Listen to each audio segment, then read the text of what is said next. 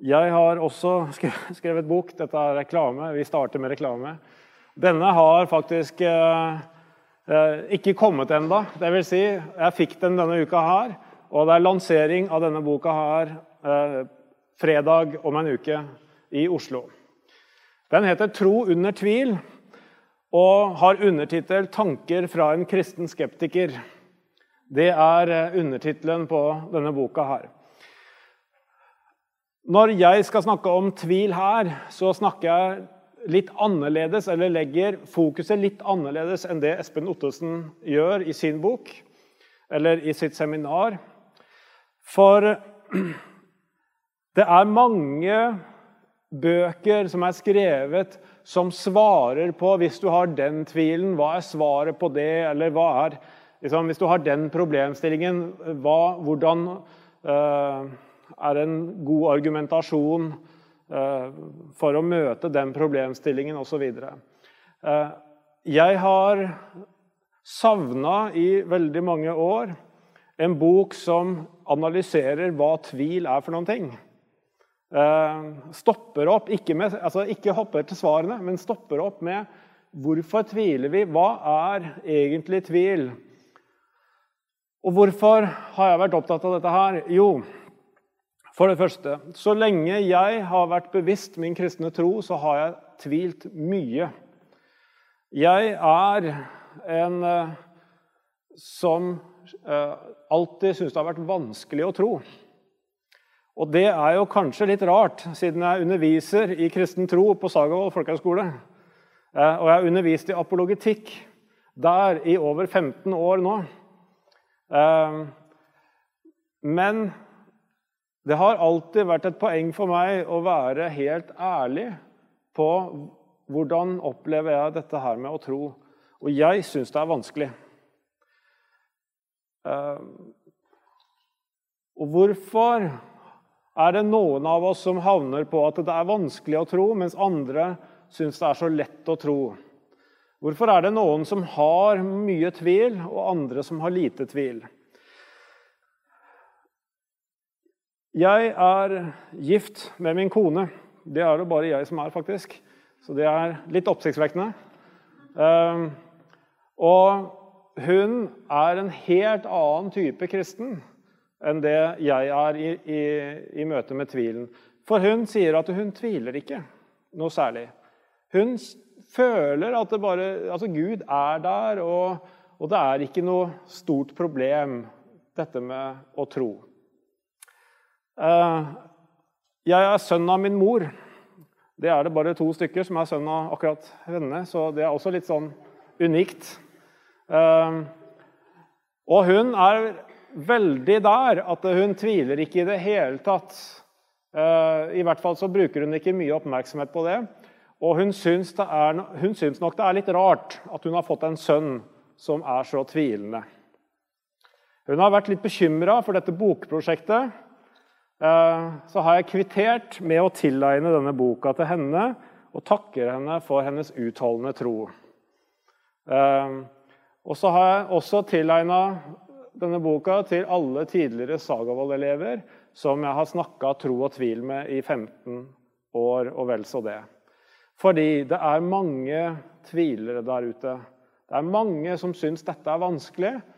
Eh, og det er veldig mange som bærer dette her inni seg, i stedet for at man får sagt så mye om det utad.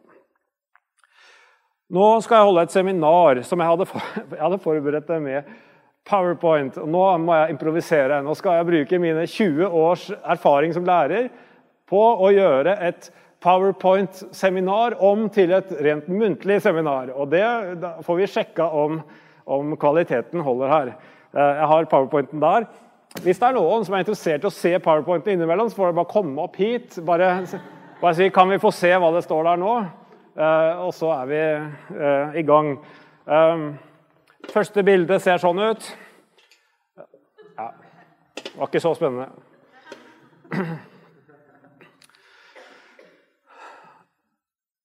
Jeg er fascinert av en del Eh, forfattere. og som jeg bruker en del tid på i, i boka. Bl.a. en som heter Philip Yancy. Det er sikkert mange som har lest hans bøker her. Han har en setning som jeg har adoptert litt. Og den er sånn Jeg er fullt klar over alle de gode grunnene til ikke å tro på Gud. Likevel tror jeg. Med andre ord jeg er kristen. Jeg tror på Gud. Men jeg syns det er vanskelig i møte med en del spørsmål, dette med tro. Jeg har fått noen reaksjoner på at jeg har jobba med dette prosjektet. her. Jeg har jobba egentlig minst ti år tror jeg, med dette prosjektet. Samla stoff og samla uh, og, og, lett egentlig etter Gårda altså, Fins det noe på norsk som, uh, som, tar dette her skikkelig på alvor? Og jeg syns på en måte ikke Tvilen har fått sin rettmessige bok enda. Kanskje den har fått det nå, jeg vet ikke. Det er å gå høyt litt, ut, litt høyt ut. Men det har vært litt for mange sånne bøker som kunne ha handla om tvil, men som handler bare litt om tvil. Og så går de over til trosforsvar. Og Det er veldig bra at vi har sånne bøker, men jeg har altså ønsket å grave meg litt dypere ned i dette der med tvil. Og når jeg da har jobba med disse tingene og gir uttrykk for at jeg syns det er litt sånn vanskelig å tro, og sånn, så blir jeg møtt med en ting som som treffer meg sånn rett inn i hjertet. Og det er eh, noen som sier til meg da Ja, men du tviler vel ikke på Gud? Sier de. Så tenker jeg Oi, men det er jo det jeg gjør. Altså, det er, jo, er ikke det lov? Gjør jeg noe feil uh, hvis jeg gjør det? Uh, eller er feilen at jeg sier det? Uh, er det sånn at at eh, det å tvile på Gud er forbudt, egentlig. Du kan være kristen, og du kan tvile på mye, men du må jo ikke tvile på Gud. Og så lurer jeg litt på om de egentlig vet hva de sier når de sier sånn. Og det de ikke vet, det er at de treffer på en måte noe inni meg som jeg har båret på veldig lenge, og det er en litt sånn der skamfølelse over at jeg ikke bare tror så lett. Eh, den er en litt sånn skamfølelse. Oi, nei, det skulle jeg kanskje ikke ha sagt. Nei, kanskje jeg er litt verre enn de andre. Og så møter jeg andre som opplever at når, når jeg begynner å snakke om tvil, så opplever de at det, det er som å slippe luft inn i et rom og si åh, endelig, vi er flere. Vi, det går an å gjøre det selv om man er kristen. Jeg bruker et bilde at eh, jeg opplever meg selv veldig ofte som festbremsen på trosfesten. Festbremsen på trosfesten. Den som sitter bakerst og ser alle i rus, som bare Yeah, halleluja, Jesus, osv. Så, videre. så sitter, sitter man liksom selv bakerst og tenker hm, Stemmer dette her? Er det ikke suggesjon som foregår her nå? Er, egentlig, uh, er det egentlig riktig? Kan jeg stå for dette her? Så synges det lovsanger av og til som har så store ord at man blir bare sittende og tenke Mener alle disse rundt her det som de synger i denne lovsangen? Og så ser jeg på meg selv og tenker vet du hva, jeg vet ikke om jeg klarer å bruke så store ord akkurat nå. Fordi jeg kjenner på at det så øh, Jeg har noen problemstillinger da, som, måte, som treffer meg litt.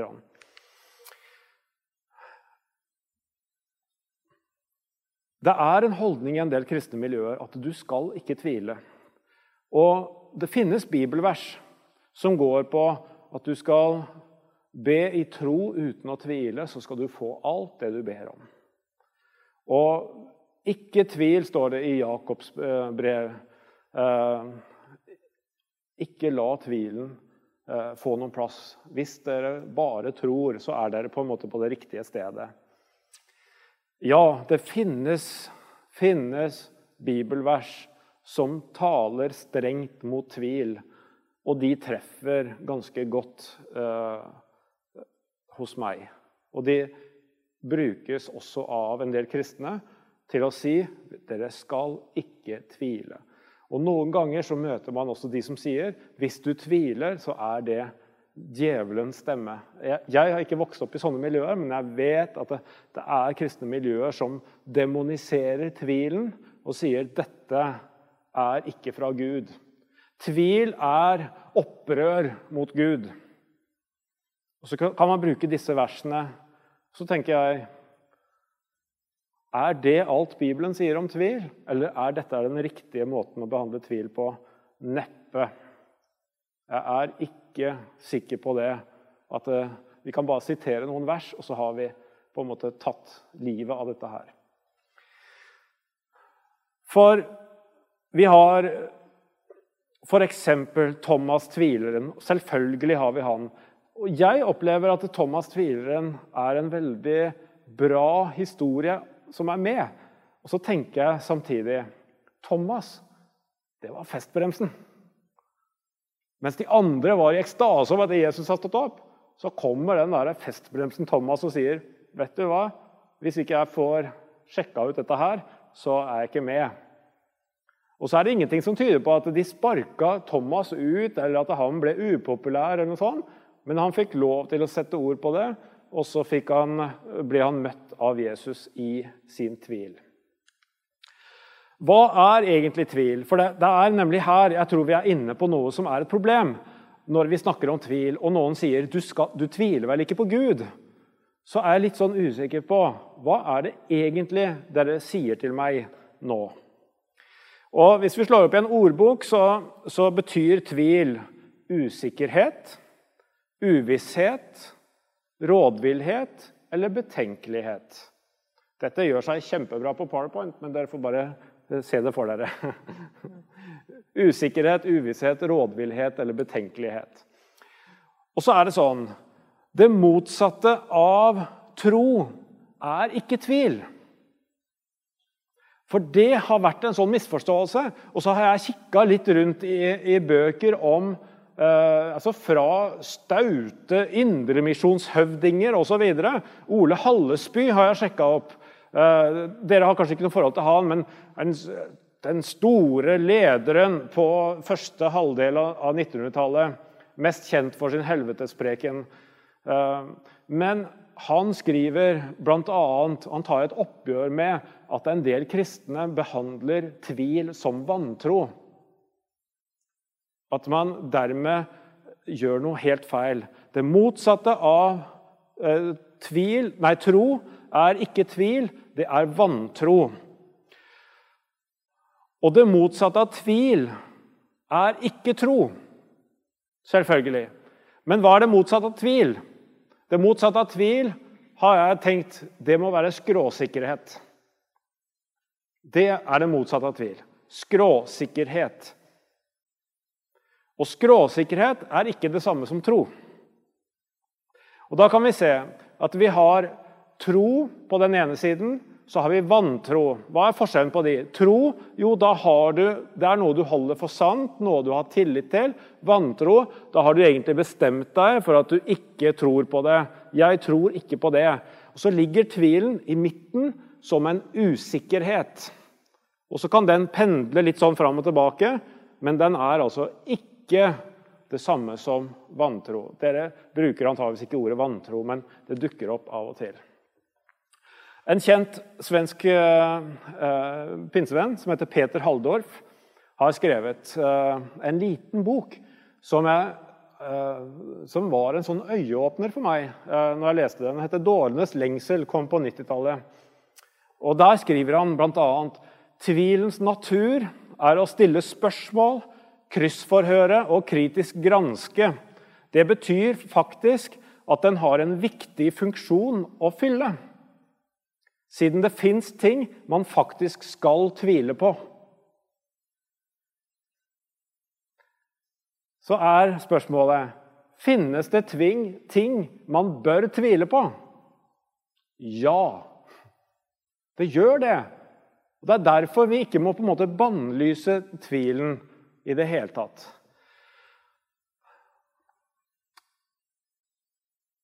Jeg gjør en litt vågal påstand i, eh, Eller har kommet fram til en litt vågal påstand. Og, jeg, og jeg, Vi får høre om det blir noen motstand på den, men jeg tenker at vi egentlig er skapt med tvil.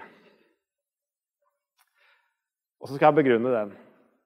Hva er det som skaper tvil?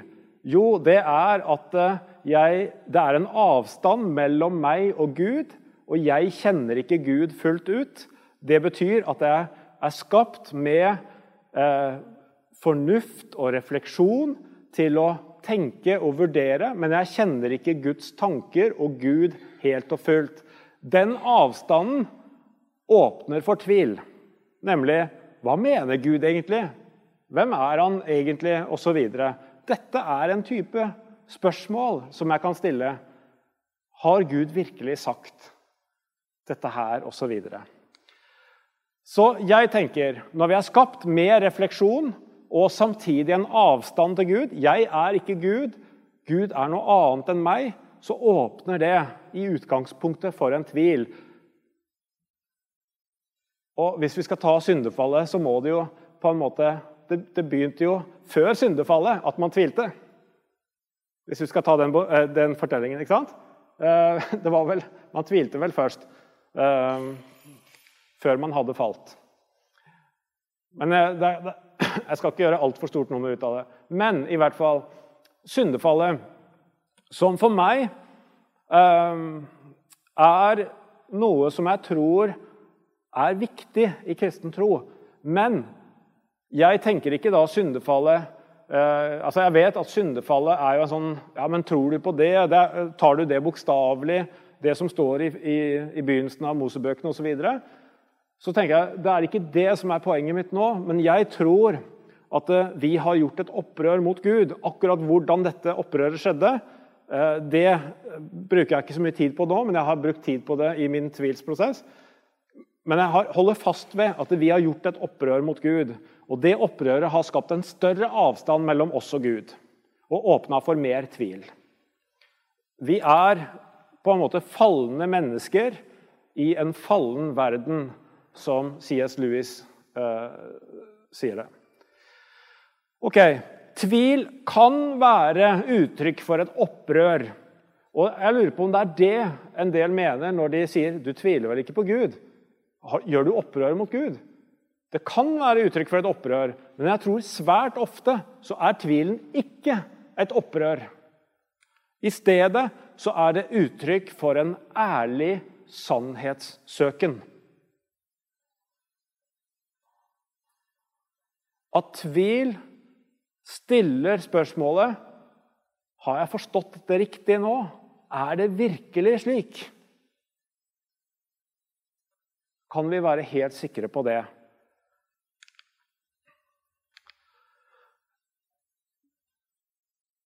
Vi snakker om tro og tvil, og da må vi bare få en liten definisjon også av tro.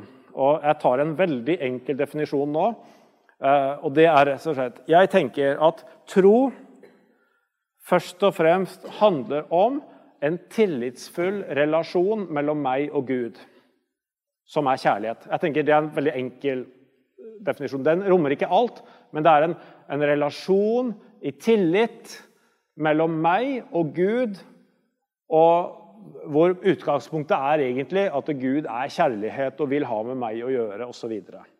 Eh, jeg tenker det er en slags, uh, slags definisjon.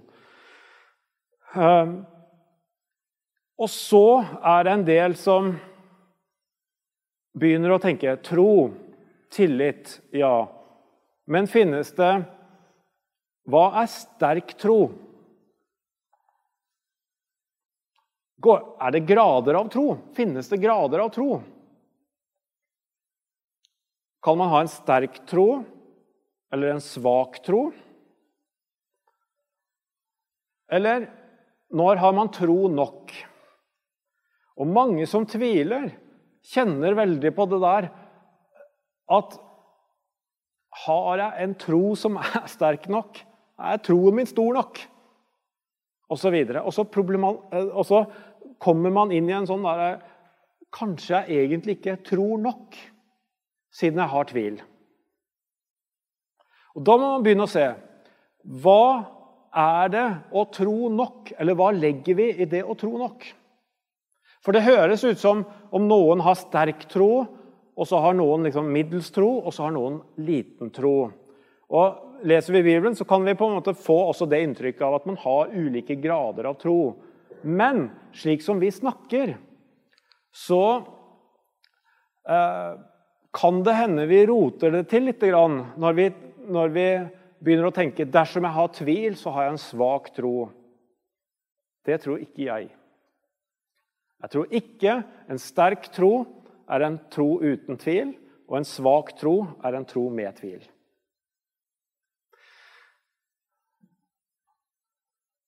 Det er en som heter Gregory Boyd, som forteller om eh, en opplevelse hvor han eh, var med og ba for for noen syke Eller nei, for, eh, for eh, en, som, en som hadde kreft.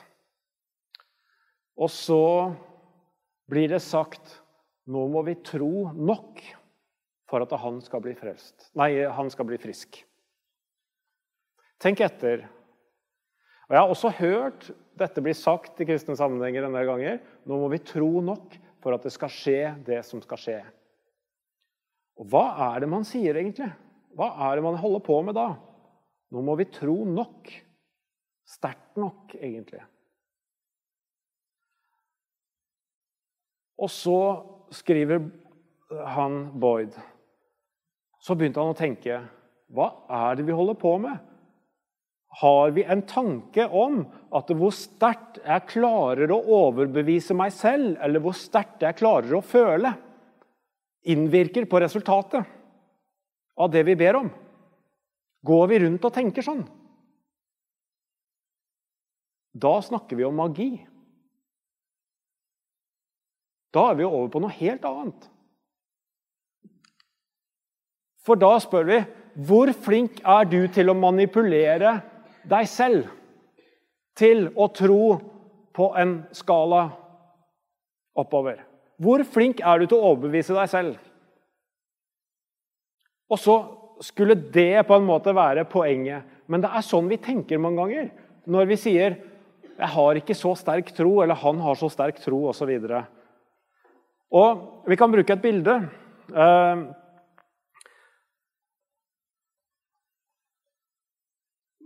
Det er Boyd som introduserer dette her også. Og han sier på, en, på et tivoli så er det en sånn slegge der du kan slå ned så hardt du kan, og så kommer det ei kule oppover. Så tenker han dette kan være en trosslegge. Og så tenker man hvis du klarer å slå sånn at kula kommer 25% opp, så har du kanskje tro nok til å, til å be. og litt grann. Hvis du slår opp i 50 så har du tro nok til litt flere mirakler. Og Slår du opp i 75% så kommer du opp i enda større mirakler. Og hvis du klarer å slå opp til 100% så har du bare utløst en supervelsignelse.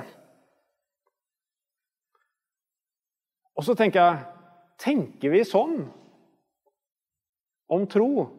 At det er liksom Det er min prestasjon som avhenger av altså, Eller som styrer resultatet.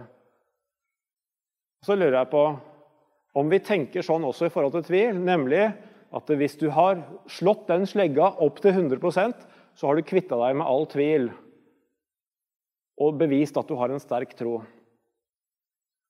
Jeg finner ikke det å være en kristen tanke. Jeg kan ikke skjønne at det er en kristen tanke.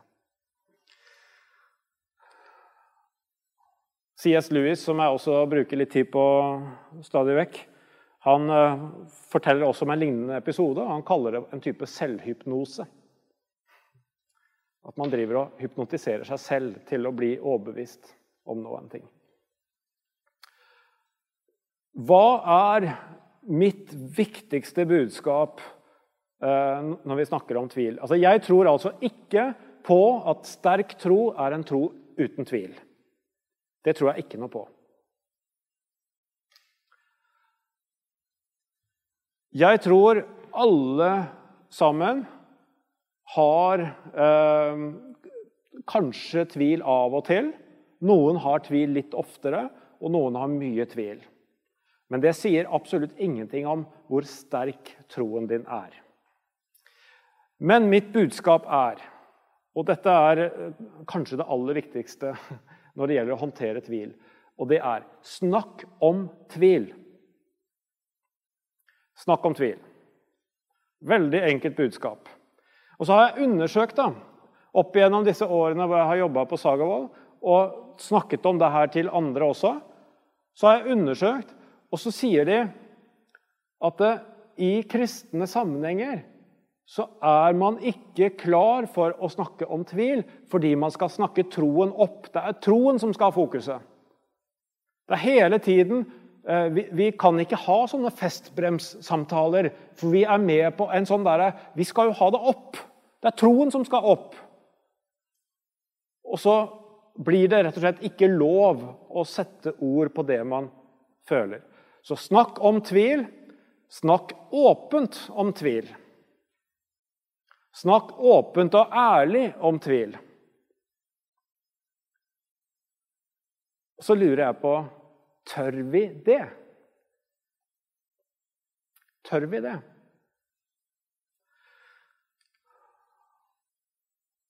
Og når vi skal snakke åpent og ærlig om tvil, så må vi undersøke mer eh, hva, er dette, hva er det denne tvilen går ut på. Alistair McGrath er en uh, veldig kjent uh, forsker og teolog og vitenskapsmann. Han skrev egentlig den siste skikkelige boka om tvil som har kommet på norsk, og den kom i 1991, tror jeg. Når jeg har sjekka her, så har jeg liksom ikke funnet noen bok om tvil uh, etter det som har vært ordentlig, eh, ordentlig tvilsfokus. Og Der skriver han et overraskende stort antall kristne ønsker ikke å snakke om tvil. Noen nekter til og med seg selv å tenke på det. Og så tenker jeg ja, men ungdommer må jo De snakker jo om alt. De snakker jo om følelser, og de snakker og er ordentlig åpne og ærlige. Og så viser det seg at de ungdommene som har vokst opp i kristne menigheter, kristne ungdomssammenhenger, enten det er på Vestlandet eller Østlandet eller hvor som helst, eh, mange av de har opplevd at det, var egentlig bare ønsket velkommen hvis du, snakket, hvis du, ga noen suksesshistorier, hvis du snakket opp troen, snakket om bønnesvar og snakket om hva du hadde opplevd med Gud osv. Det er det man ville snakke om, egentlig.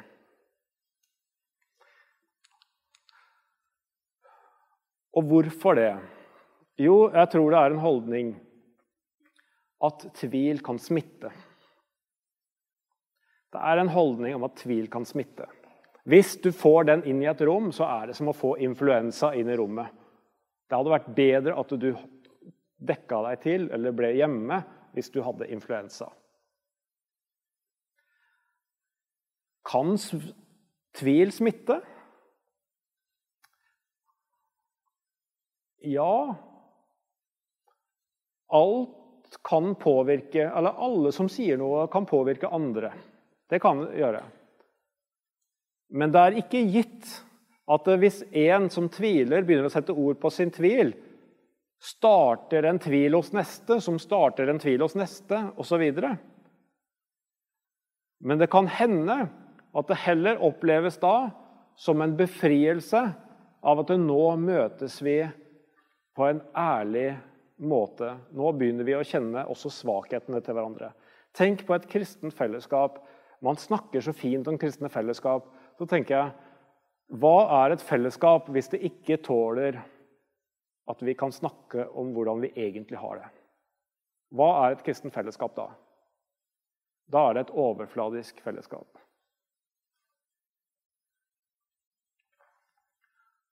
Dette betyr ikke at jeg oppmuntrer til tvil, eller noe sånt. Det betyr bare at hvis du tviler, så bør du kjenne at dette her er veldig ok å snakke med dine kristne venner om, eller komme inn i fellesskapet med, og at det ikke er forbudt. Det er også en holdning ute og går, nemlig ikke gi tvilen oppmerksomhet. Du må ikke fokusere på tvilen. Så lurer jeg på hva i all verden er det for holdning? Skal man ikke Altså, hvis du har tvil, vil den forsvinne hvis du prøver å være stille med den? Vil den bli borte hvis du er taus? Tenk etter. Dette er jo ren psykologi. Tror dere noen gang at tvilen forsvinner hvis man slutter å snakke om den?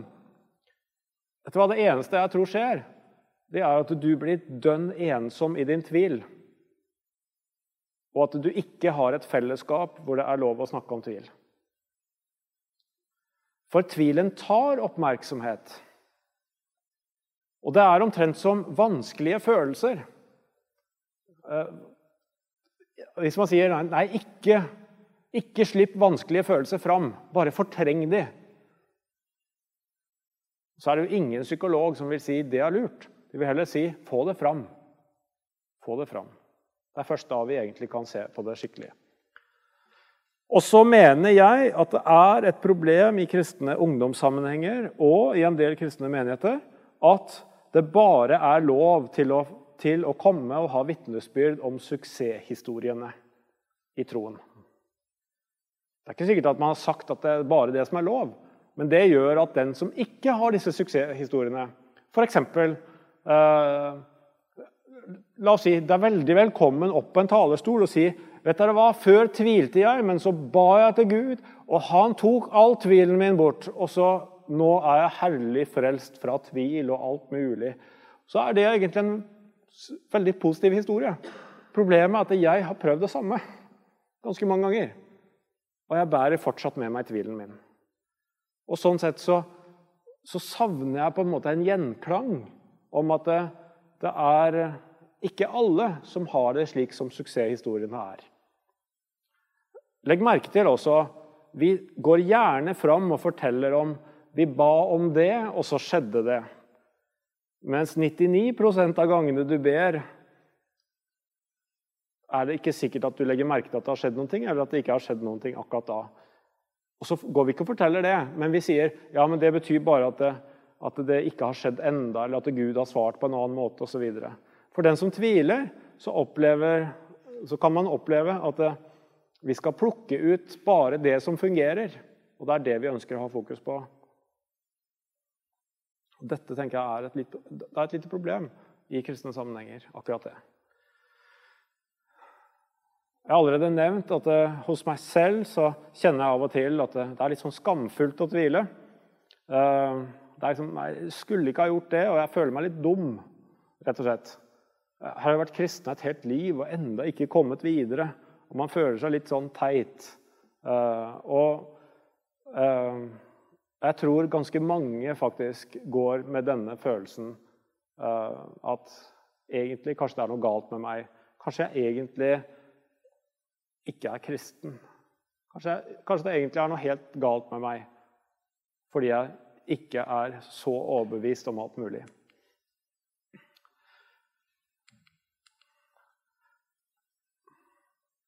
Etter alle disse årene på, på Sagavold, og jeg tror jeg har snakka med mange, så, så kan vi si ikke alle mennesker tviler. Jeg vet ikke hvorfor dere er akkurat her nå, om dere er tvilere, eller om dere er bare litt sånn nysgjerrig på tvil. Ja, Det hørtes spennende ut. Det har jeg aldri kjent på sjøl, så det har jeg lyst til å høre noe om. Men det er sånn ikke alle mennesker tviler. Ehm, jeg har noen ganger tenkt at de som ikke tviler, de har egentlig ikke tenkt etter. Eh, det er sånn, det er sånn jeg har tenkt. Men så har jeg skjønt etter hvert at selv oppegående, oppegående eh, høy IQ-folk osv. Jo, det, det, er også noen av de som ikke tviler. Så, så, det er altså ikke en sammenheng mellom hvor mye du tenker og hvor mye du tviler. Det trenger i hvert fall ikke å være det. Ikke alle tviler, og det er helt ok. Det er helt ok. Ikke alle tviler like sterkt. Det er helt ok. Noen tviler mye ofte, og noen tviler bare av og til. Og noen får tvil i møte med nye miljøer når de flytter. Typisk situasjon å komme i mye tvil, det er når du flytter inn til en by og begynner å studere, f.eks. Kommer ut av det miljøet du er vant til, det er typisk sånn tvilstrigger-situasjon. Hvor du begynner å lure på har jeg egentlig bare levd på en løgn i en boble der alle mente det samme. Eh, det å møte nye mennesker, andre tanker, kan trigge tvil. Og det å få en endring i livssituasjonen Mange kan fortelle om når de mister noen de er glad i, så kan det trigge tvil. Eller går inn i en skilsmisse osv. Så. Eh, så noen har kanskje ikke kjent på tvil i det hele tatt før de kommer inn i en spesiell situasjon, og da begynner de å kjenne på det. Vi er altså svært forskjellige, og det er på en måte poenget tenker jeg, med det kristne fellesskapet. At vi skal ha lov til å være så forskjellige eh, på en ærlig og åpen måte. Tvil kommer ofte som spørsmål. Det, det, tvil møter oss veldig ofte i form av spørsmål til eh, det vi tror på. Er du sikker på det? Tror du på det? Eh, du, eh, kan du argumentere for det? Eller kan det virkelig være sånn? Har det virkelig skjedd? Eh, hvis du har en ren intellektuell tvil, nemlig en ren intellektuell problemstilling, så kan den bli tilfredsstilt? Det spørsmålet kan bli tilfredsstilt hvis du får et rent, intellektuelt, godt nok svar. Altså, Intellektuell tvil kan møtes på en intellektuell måte, og alt er OK hvis du får gode nok svar. Det er det, På en måte så er det det var dette som førte meg inn i apologetikken, inn i trosforsvaret. Nemlig at jeg så at her får jeg en del intellektuelle spørsmål som av og til blir besvart. og Andre ganger så tenker jeg det gode svaret har ikke kommet ennå, men man kan jobbe mye med det. Men så har du den situasjonen at det er mange ganger hvor vi tror at vi har en intellektuell tvil. I hvert fall høres den sånn ut. Og så får vi et godt svar, og så merker vi at vi er overhodet ikke tilfredsstilt. Fordi det er, viser seg å være ikke det intellektuelle som er problemet, men det kan rett og slett være eh, et følelsesmessig tvil som, som er, eh, rett og slett kommer av noe vi Altså vår personlighet, noe vi har opplevd, eh, situasjoner osv. Altså, vår tvil kan ligge forankra et helt annet sted, f.eks. i selvbildet vårt.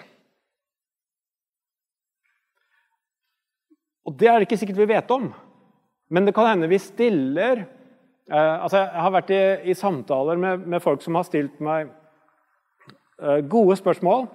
Og jeg har trodd at bare jeg svarer godt nok nå på dette spørsmålet, så er tvilen til den personen borte. Og så prøver jeg å svare godt, og det kan hende til og med jeg svarte ganske godt. Så viser det seg ja, men jeg løste jo ingenting. Fordi problemet til denne personen var et helt annet sted i livet. Jeg skal komme litt nærmere inn på det. Sterke følelser i tvil tyder på at vi har å gjøre med noe annet enn intellektuelle problemstillinger. Hvis, du, hvis det dukker opp en intellektuell problemstilling så kjenner du at denne trigger så mye følelser hos deg, så er det et tegn på noe som uh, kanskje aktiverer andre deler av deg enn bare intellektuelle.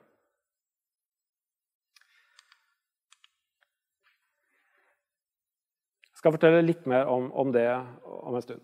Jeg har plukka ut sju punkter som er typisk sånn kristne, eh, hva, hva kristne typisk tviler på. Det, det finnes sikkert flere. Men etter disse årene på, på Sagavold, og jeg tror Sagavold-ungdommen er rimelig eh, Jeg vet ikke om det er snittet i, i, befolkningen, det er de kanskje ikke, men i hvert fall eh, det er eh, kristen ungdom i sin beste alder. Eh, sitter noen her De ser ikke så bra ut, men det er Jo da, dere skjønner. Ja. Eh, det er det, er sju på en måte tvilsobjekter som jeg, som jeg, jeg har plukka ut. Og Det første er jo selvsagt Gud. Finnes Gud i det hele tatt? Og Der kommer vi inn på nemlig én en del av det som mange opplever som en stor tvilstrigger, nemlig 'jeg føler ikke Gud'. Jeg føler ikke Gud. Hvis Gud finnes, så burde jeg jo føle Han på en eller annen måte. Og her, Nå må for, nå må vi på en måte klare å stable ting riktig her. Fordi noen sier ja, men de føler jo Gud. Mens andre prøver som bare det å føle. Og de får det ikke til. Og det er til og med folk som gir opp sin kristne tro fordi de får ikke til å skape den følelsen av Gud som de tror de andre sitter med, eller som de ser rundt seg.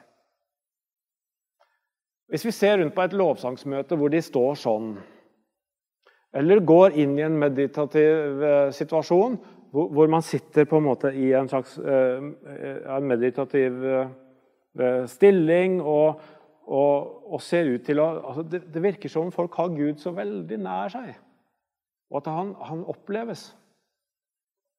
Så er det mange tvilere som sier 'Jeg føler ikke Gud. Jeg får det ikke til.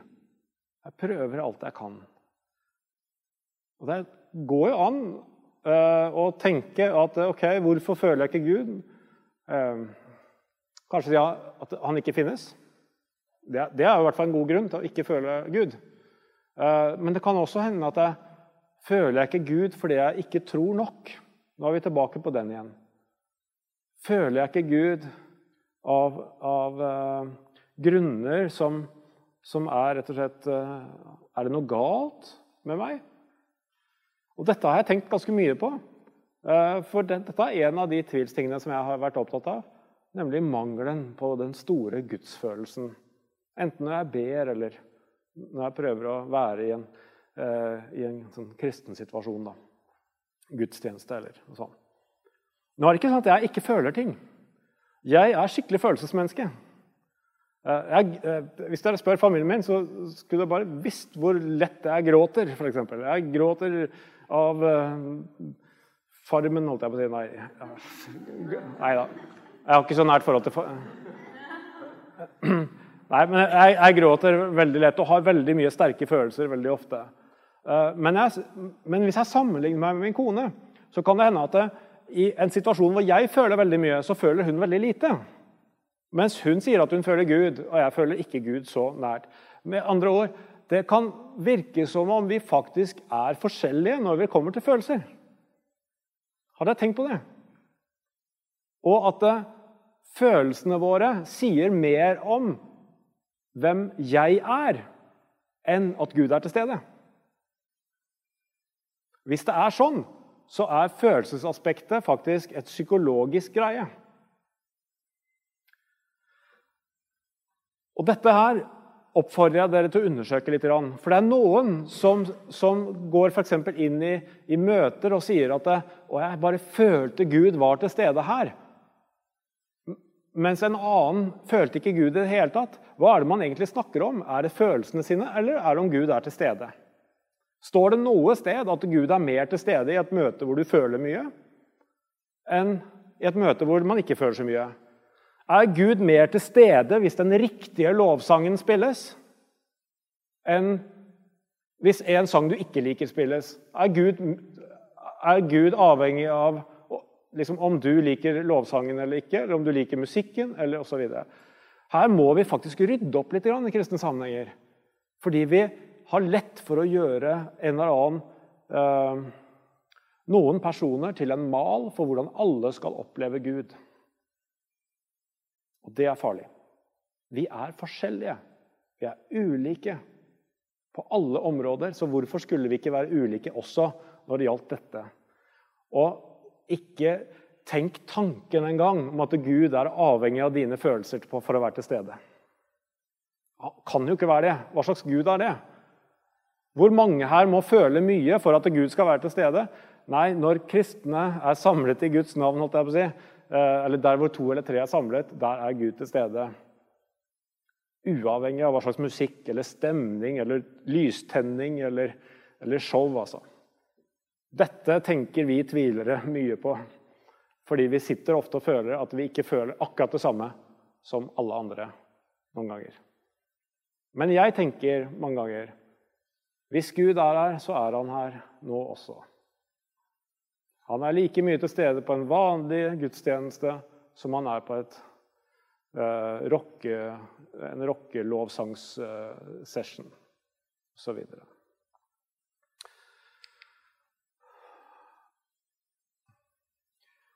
Og så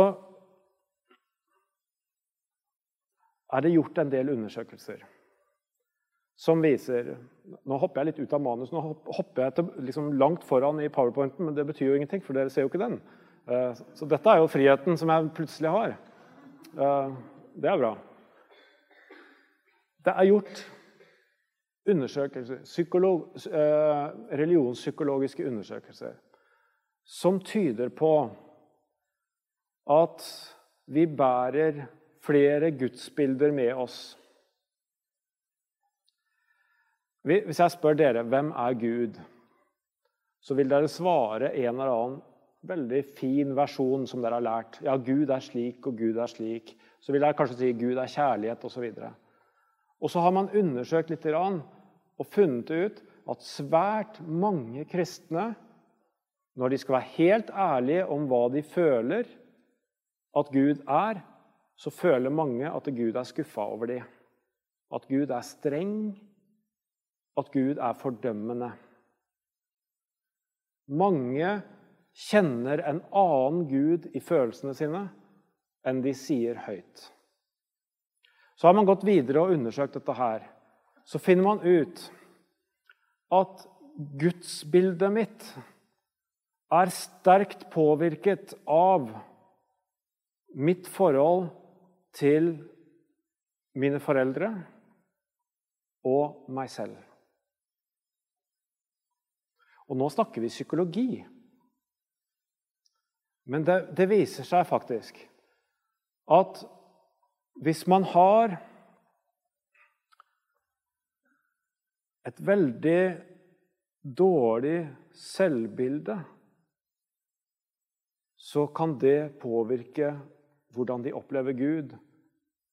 Det kan være et rigid gudsbilde man bærer på. En streng, fordømmende Gud som man nesten ikke er klar over selv. Og så har, har religionspsykologer gjort en annen oppdagelse, nemlig at hvis du får jobba med selvbildet ditt på en god måte, hvis du får et rausere selvbilde, så er det mange som får en rausere gudsbilde samtidig. Dette har vi ikke snakka mye om i kristne sammenhenger. For vi snakker om Gud som om vi har tilgang til en ren Gud. Bare vi forkynner riktig, så har alle tilgang til en Gud som alle er enige om er sånn og sånn. Men hvordan vi faktisk føler Gud, hva vi faktisk tenker om Gud, det er helt individuelt. Og det gjør at f.eks. hvis jeg står her på talerstolen og så sier jeg, 'Gud ser deg', så er det noen kristne som tenker fantastisk, Gud ser meg, han er glad i meg osv. Mens andre tenker for en forferdelig tanke. Han ser alle feilene mine hele tiden. Han er skuffet over meg, over alt jeg tenker og gjør. Gud er en fordømmende Gud i møte med meg. Kanskje ikke Gud liker meg engang. Og hvis man har en slik Gud, som man ikke har snakka så mye om, så kan det hende at tvilen er faktisk en nødvendig bit. At dette her, det gudsbildet her, det gjør meg vondt.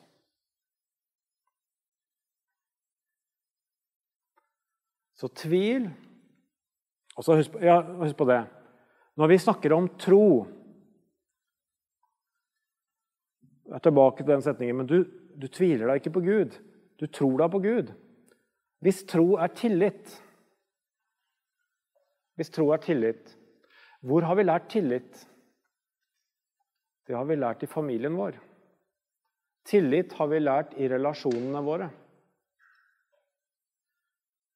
Og det betyr Er tillit noe som jeg har til andre mennesker, til verden? På, har jeg en trygghet i forhold til relasjoner til verden rundt meg? Eller har jeg en utrygghet? Har jeg blitt såra i relasjoner, eller har det vært bra? Og hvis jeg bærer på at tillit har svikta, at tillit er noe som har gjort vondt, så kan det hende jeg tar dette med meg inn i mitt gudsforhold og sliter med å overgi meg og sliter med denne tilliten, for tillit er noe jeg opplever som en vond ting. Kan dette ha noe med tvil å gjøre? Ja, jeg tror det.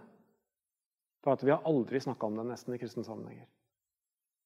Jeg tror psykologi personlighet, erfaringer, er sterke faktorer i hva vi tviler på, og hvor mye vi tviler, osv. Og, og det er ikke sikkert at vi skal åndeliggjøre disse tingene.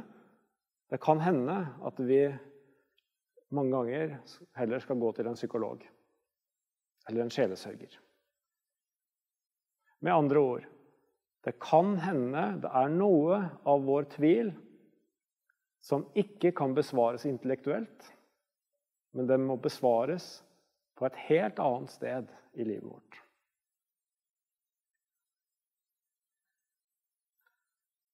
Det er derfor jeg ikke må snakke så enkelt om det å tvile, som om det bare er en sånn enkel tro eller tvil. Tvil er mange ting, og det kan lodde dypt inn i livet vårt. Nå hoppa jeg ut av manuset som dere som skriver, så, så, har dere bare kommet til Gud av disse sju punktene. Jeg skal ta de raskt, de andre. Uh, nummer to er Jesus. Jeg sier ikke så mye om det. Vet du hva, Jeg, vi, jeg bare sier overskriftene nå, så får dere kjøpe boka. Det er veldig lurt. Jeg selger den der nede. Det koster bare 298 kroner. Uh, jeg selger den der nede etterpå, så vi legger inn dette var en liten betalt reklamepause midt i her nå. Så. Um, all, mange som tviler, uh, har problemer med det tredje punktet, nemlig Bibelen. Uh, hvordan i all verden skal jeg komme til rette med Bibelen? Uh, vi kan gjøre det enkelt for oss, nemlig å, å plukke ut bare de gode tingene i Bibelen, bare de gode historiene. Men da er det veldig mye der som er vanskelig, og som vi bare utelater. Men det står flere steder ting som er svært problematiske å forholde seg til. Jeg vet ikke om dere har sett det, men jeg opplever det mange ganger at Bibelen er min største tvilstrigger. Samtidig som jeg mener Bibelen er en skatt, og jeg tror at det, Bibelen er viktig osv. Men det er så mye der som er vanskelig å forstå. Det skal jeg være helt ærlig på. Det fjerde punktet er meg selv. Veldig mange har det spørsmålet som vi hadde i stad, nemlig tror jeg nok? Er jeg egentlig kristen? Hvis jeg ikke føler så mye? Og så videre. Mange sliter med dette her. I gamle dager så snakket man har jeg frelsesvisshet, hvordan skal jeg vite at jeg er frelst osv. Det er veldig få ungdommer som tenker og snakker sånn nå. Men det er mange som lurer på er jeg egentlig en kristen? Særlig fordi at jeg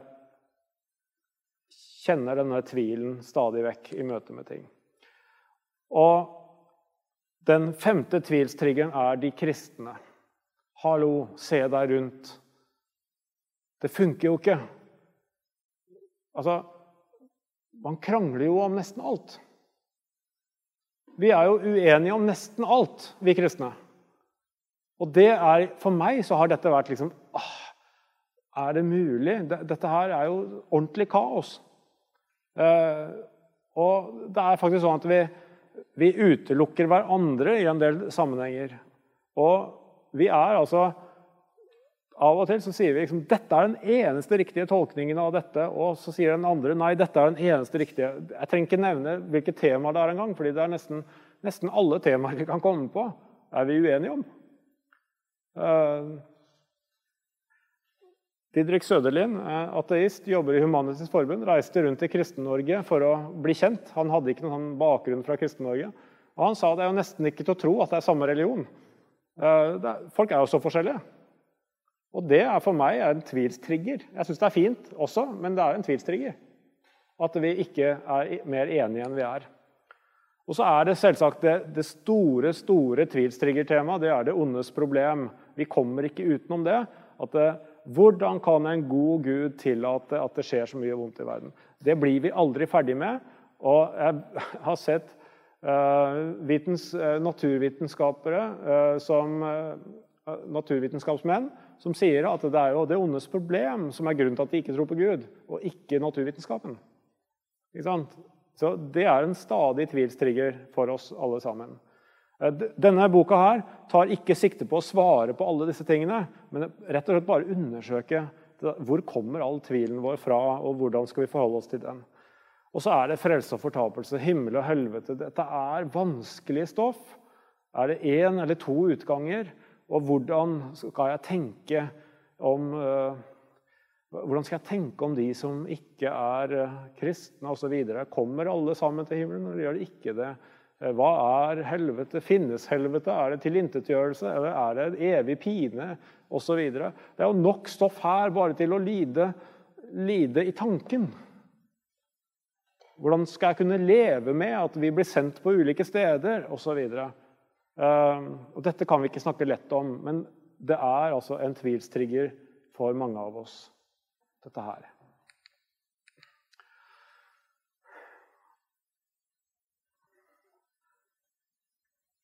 Det er én tvil jeg har lyst til å oppfordre til. Det er én type tvil som jeg mener dere bør ha.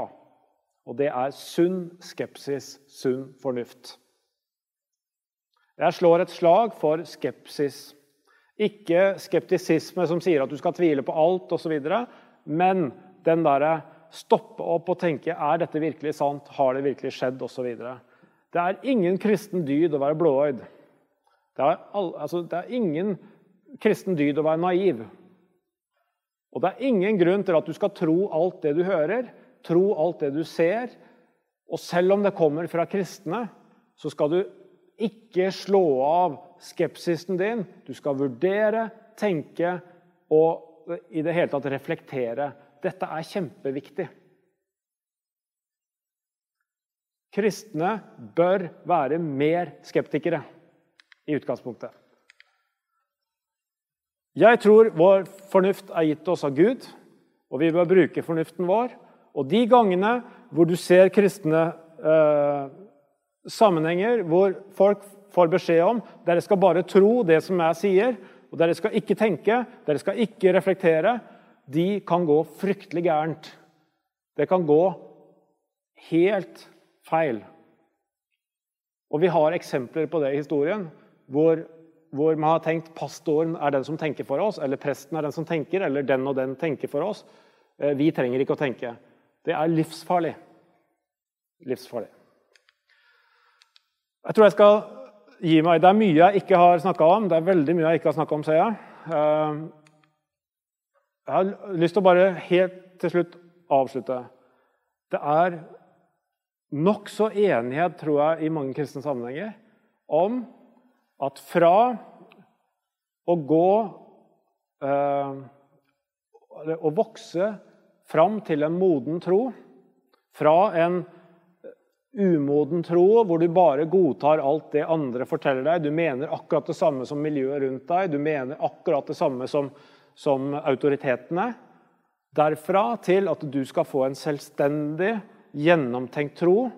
Veien dit er ofte smertefull, og den er ofte den bruker, eller Tvilen er ofte redskapet som fører deg fra en umoden til en moden tro.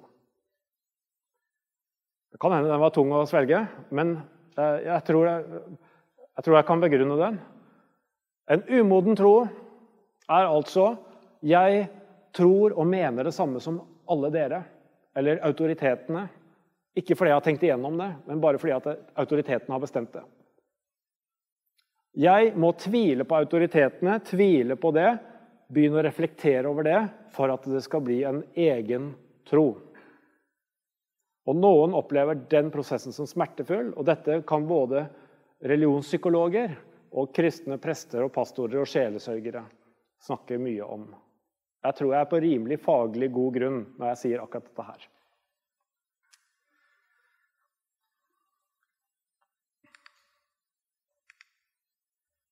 Jeg tror vi stopper der, ja, så tar vi heller noen spørsmål.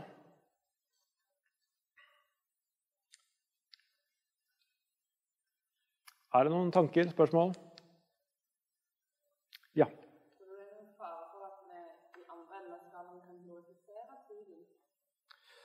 Ja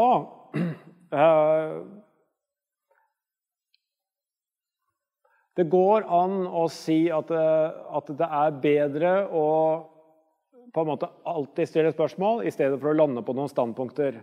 Eh, vi kan, eh, tvil kan være en unnskyldning for å handle. Det kan være en unnskyldning for å mene. Det tror jeg det går an. Eh, men jeg tror ikke det er noen stor fare foreløpig eh, for at eh, tvilen blir glorifisert i kristne sammenhenger.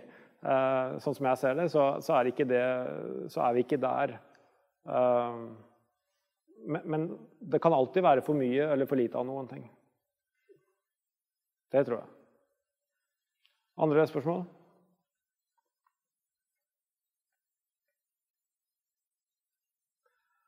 Hei. Hjertelig takk for at dere kom. Så mm.